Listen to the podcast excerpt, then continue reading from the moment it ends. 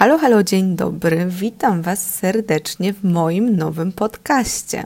Ja nazywam się Gabriela Czarska i jest spore prawdopodobieństwo, że kojarzycie mnie już z Instagrama bądź YouTube'a, gdzie prowadzę profile poświęcone przede wszystkim zdrowemu trybowi życia. Jednak to nie jest wszystko, czym zajmuję się w życiu.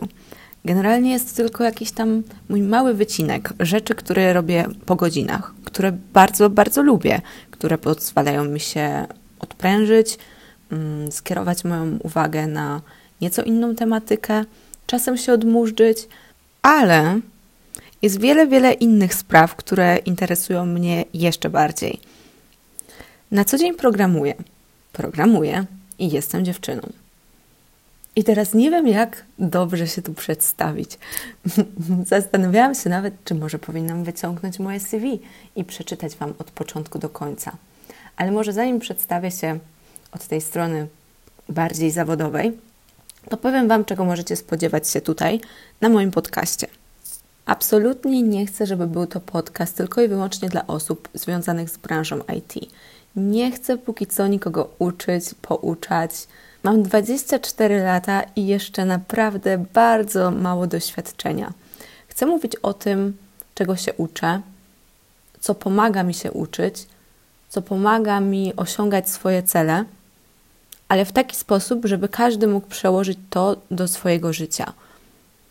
Na pewno będzie trochę o informatyce, będzie trochę o studiach, będzie trochę o programowaniu, ale planuję tutaj znacznie więcej treści na temat motywacji, organizacji czasu, osiągania swoich celów, pieniędzy, słuchajcie, bo pieniądze wbrew pozorom są bardzo ważne, a nadal w tym kraju tak mało się o nich mówi. I jeszcze raz powtórzę, nie będę tu wychodzić z perspektywy eksperta, a raczej laika, który będzie uczył się razem z Wami. Będę przekazywać Wam informacje, których sama się dowiedziałam pewnie całkiem niedawno. Będę mówić Wam o drodze, którą ja przeszłam do tego, żeby być tym, kim jestem dziś i tym, kim będę za rok i tym, kim będę za, nie wiem, może pięć lat. Zobaczymy, jak długo to wszystko potrwa. Ja nie ukrywam się z tym, co robię na co dzień i dostaję też z tego względu sporo pytań o programowanie, o y, zarobki, o studia, jakie studia wybrać, jak jest na studiach informatycznych, o to, co robię z pieniędzmi, dlaczego inwestuję w kryptowaluty. I to są tematy, na które bardzo chciałabym Wam odpowiedzieć, ale nie do końca pasowały mi do kontentu, który realizuję na co dzień, na przykład na Instagramie. Nie pasowało mi to z żadnej strony, że na jednym zdjęciu e, będzie moja sylwetka, na drugim przepis na Fit Kinder Bueno, a na trzecim będę Wam e, mówić o tym, jak oszczędzać pieniądze. No po prostu z żadnej strony. To samo tyczy się YouTube'a. Tutaj przepis na Fit Ciacho, a potem y, 10 kroków, by osiągnąć swój cel. Może trochę przesadzam, ale ja lubię, gdy w życiu jest wszystko poukładane. Także gdy wchodzicie na mój kanał na YouTubie, wiecie, że czekają Was tam treści lifestyle'owe, trochę rozrywkowe, trochę na temat zdrowego odżywiania, a nie związane z na przykład motywacją. Dlatego wolałam to po prostu oddzielić i myślę, że podcast jest to idealna forma, żeby właśnie przekazywać tego typu treści. Póki co planuję nagrywać sama. Później bardzo możliwe, że zaproszę do tego podcastu jakichś moich znajomych związanych z tematami, które będę chciała poruszać. I jeżeli ci o to znajomi się zgodzą, no to na moim kanale zaczną pojawiać się pierwsi goście. A w miarę upływu czasu może nawet odważę się zaprosić kogoś, kogo zupełnie jeszcze nie znam, a z kim bardzo chętnie porozmawiałabym, ponieważ jest um, dla mnie jakimś tam autorytetem w danej dziedzinie.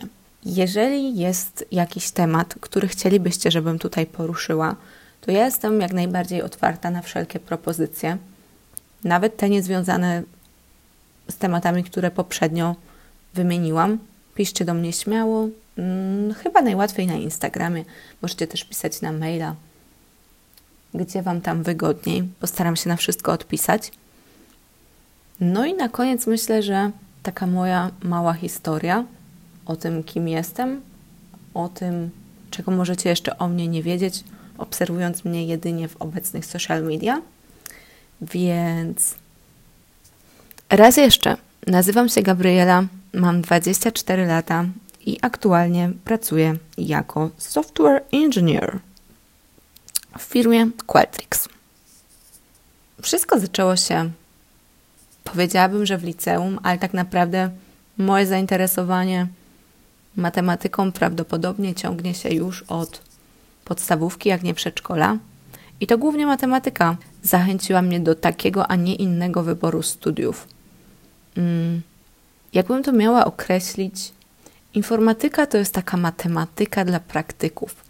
Coraz więcej jest perspektyw dla osób studiujących matematykę, niemniej jednak kiedyś to było głównie nauczanie. Teraz sprawa wygląda trochę inaczej, zwłaszcza za granicą. Można pracować w naprawdę fajnych firmach, być analitykiem w sektorach finansowych, ale wydaje mi się, że w Polsce nadal kojarzymy matematyków z ludźmi, którzy uczą w szkołach, ewentualnie na uczelniach. No i ja też po części miałam takie skojarzenia, dlatego informatyka, ale powiem Wam szczerze, że przez dłuższy okres czasu rozważałam medycynę. Ba, nawet zapisałam się na maturę z chemii i biologii i uczyłam się do niej sama, aż w końcu wszystko olałam. Dlaczego? Ciężki temat, a tak naprawdę poniekąd goniłam za samodzielnością, a wiedziałam, że studia medyczne to jest następne 10 lat bycia zależnym od kogoś, pracowania bardzo pod kimś. Ja wiem, że pracuję teraz w firmie i też pracuję dla kogoś, ale to jest zupełnie inne podejście do człowieka niż w szpitalach. Mam znajomych, wiem jak to wygląda i nie do końca byłam gotowa na tego typu poświęcenie. Chciałam zarabiać swoje pieniądze, wyprowadzić się, być samodzielna. No i to mi się udało. Także tego wyboru absolutnie nie żałuję. No więc co, powiedziałam Wam o podstawówce, o gimnazjum, o matematyce. Potem było liceum. Mój wybór liceum był bardzo prosty. Stwierdziłam, że chcę iść do najlepszego liceum w Krakowie. No i po prostu wpisałam na tą listę, idąc od tych, które miały najwyższy próg dostania się, do tych, które wymagały nieco mniej punktów. No i tak poszło na piątkę. No i oczywiście klasę algorytmiczną, bo tam miało być najtrudniej. No i prawdopodobnie najtrudniej też było. Nie żałuję, było super, było trudno, ale było warto. No i poniekąd taką naturalną kontynuacją tej klasy były studia informatyczne na TCS-ie, na UJ, ponieważ my już od pierwszego roku liceum mieliśmy zajęcia z wykładowcami, w zasadzie to nie wykładowcami, ćwiczeniowcami e, z UJ-u. Także zajęcia z algorytmiki mieliśmy już od pierwszej klasy. Jeździliśmy na UJ, także poniekąd znam tą uczelnię. Więc gdy tylko porzuciłam pomysł pójścia na medycynę, no to wiedziałam, że pójdę na UJ, ewentualnie UW w Warszawie. Też składałam tam, ale później stwierdziłam, że po prostu nie chcę wyjeżdżać. No dlatego padło na UJ i TCS. TCS to Theoretical Computer Science, a tłumacząc na polski informatyka analityczna, szczerze nie mam pojęcia, dlaczego nie przetłumaczyli nazwy tego kierunku jako informatyka teoretyczna. Według mnie znacznie lepiej by to tutaj pasowało. No ale tak, informatyka analityczna, UJ, AK, TCS. No i tam spędziłam następne trzy lata licencjatu. Po drugim roku zdecydowałam się pójść na staż i powiem Wam, myślałam, że będzie łatwiej znaleźć jakiś staż po takiej uczelni, ponieważ od początku słyszałam o ludziach, którzy dostają się do Google'a, Microsoftu, Facebooka. Myślałam, że to jest proste. Mm, a okazało się nie być tak proste. Finalnie po drugim roku skończyłam w Samsungu w Warszawie w bardzo ciekawym dziale machine learningu i poniekąd było to takie spełnienie moich marzeń, bo wtedy miałam mega zajawkę na machine learning i mimo, że nie miałam zbyt dużej wiedzy, to bardzo się z tego cieszyłam. Jednak rzeczywistość troszeczkę to zweryfikowała. Myślę, że jest to temat co najmniej na osobny podcast.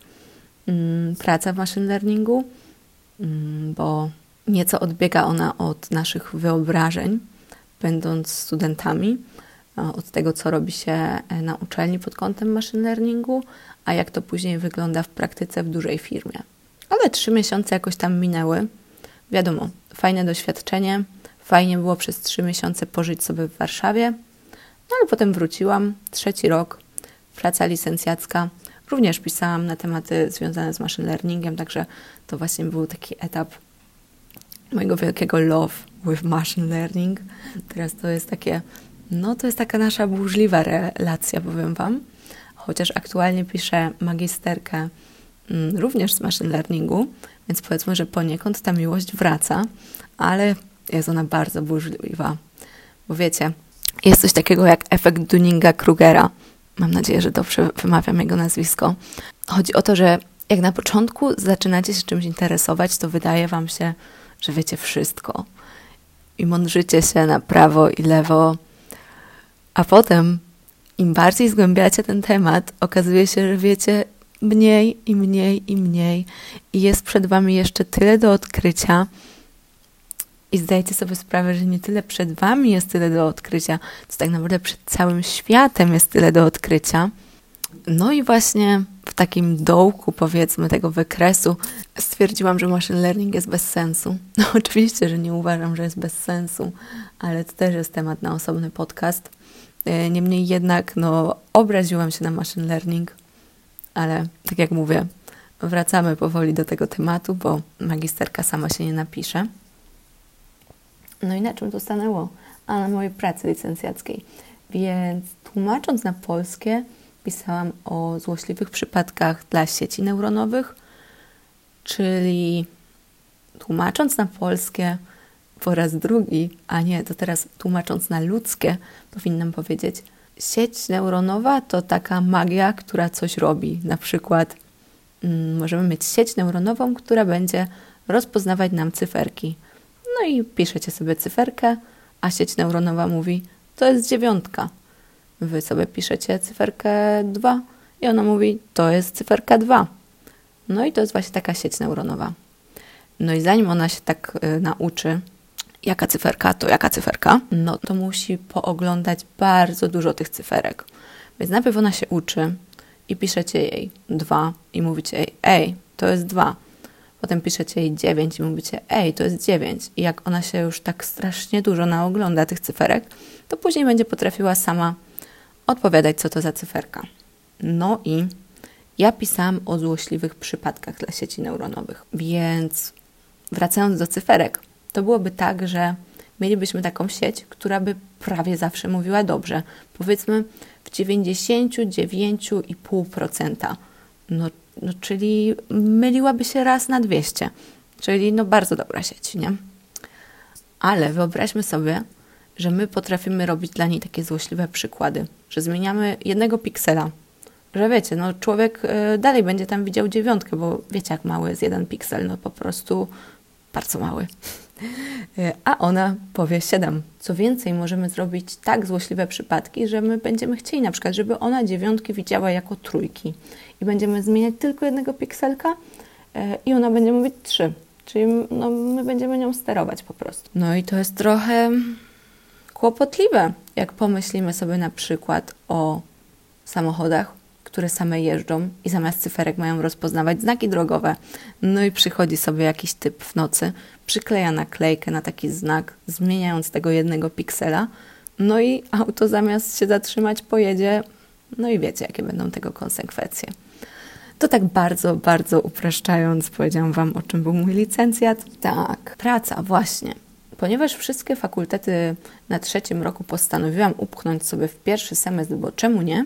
Drugi okazał się być dość pusty. Wiadomo, że trzeba pisać pracę, ale pisanie pracy jest bardzo męczące, tak intelektualnie i tak, no nie wiem, według mnie, może nie jestem stworzona do pracy naukowej, ale tak po 8 godzin dziennie, no to bym nie dała rady. No i trochę zaczęłam się nudzić, dlatego znalazłam sobie pracę.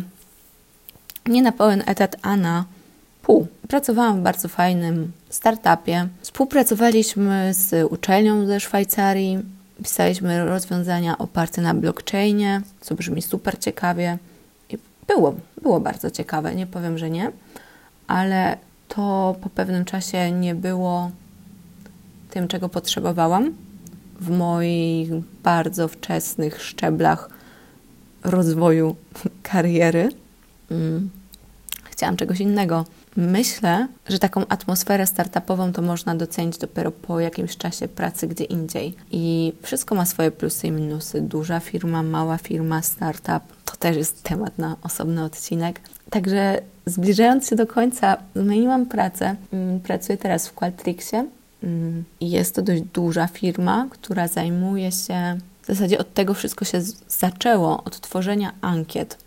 Jeżeli jesteście w jakimś hotelu i później dostajecie taką ankietę, gdzie wypełniacie, jak bardzo Wam się podobały ich usługi, to prawdopodobnie gdzieś tam na dole jest właśnie napisane Powered by Qualtrics. Oczywiście Qualtrics to znacznie więcej niż te ankiety, ale od tego się zaczęło i to jest chyba ich najbardziej znany produkt. W zasadzie to bez chyba. I tak, tam sobie właśnie pracuję. Równocześnie zaczęłam magisterkę i prawie ją skończyłam, ale nie oddałam jeszcze pracy, także dalej się z tym bujam, ale mam nadzieję zakończyć to już w tym roku. Wiecie, pracowanie i studiowanie to jest bardzo złe połączenie, ale też przepraszam Was, że muszę tak ucinać tutaj wszystkie wątki, ale gdybym miała o tym mówić, to naprawdę mówiłabym do jutra, także musimy to rozbić na jakieś tam inne odcinki. Niemniej jednak pracowanie i studiowanie to jest bardzo trudny temat. W styczniu ubiegłego roku dostałam się do Microsoftu i w zasadzie od tego września miałam mieszkać w Pradze. Ale zdecydowałam się y, zostać. Dlaczego? Chyba nie chcę o tym do końca tutaj mówić. Po prostu przeliczyłam sobie plusy i minusy obydwu sytuacji, mm, zarówno pod kątem firmy, perspektyw, jak i zarobków. No i zdecydowałam się zostać. No jestem z tego wyboru bardzo, bardzo zadowolona, zwłaszcza w kontekście pandemii i tego, że po prostu no, nie wyobrażam sobie zaczynać w tym momencie nowej pracy, nie znając nikogo i nie mogąc nawet wrócić do swojego kraju albo wyjść na miasto, poznawać nowych ludzi. Ale w momencie podejmowania tej decyzji starałam się nie myśleć o pandemii, starałam się um, używać jedynie argumentów takich niezależnych od tego, co wydarzyło się w tym roku. I i tak um, po przeliczeniu plusów i minusów wyszło mi, że jednak póki co Polska. No i tak, teraz jak ja to mówię, jestem na trzecim roku studiów magisterskich, które trwają dwa lata. No ale wiecie, piszę jeszcze pracę i muszę się obronić. Tematyka ponownie związana z machine learningiem, także trochę, trochę mi to wraca. I wiecie co? Podobnie było z tym blockchainem, w którym pracowałam i gdy się stamtąd wynosiłam, to miałam takie, że blockchain jest bez sensu i może nie, że blockchain jest bez sensu, ale to, do czego ludzie chcą go używać, jest trochę bez sensu. A teraz znowu mi wraca faza no i e, kryptowaluty, moja nowa miłość, także no zmienia się to często. Ale jak to mówią, tylko krowa zdania nie zmienia, także myślę, że to dobry znak, gdy się zmieniamy, rozwijamy i ciągle idziemy do przodu.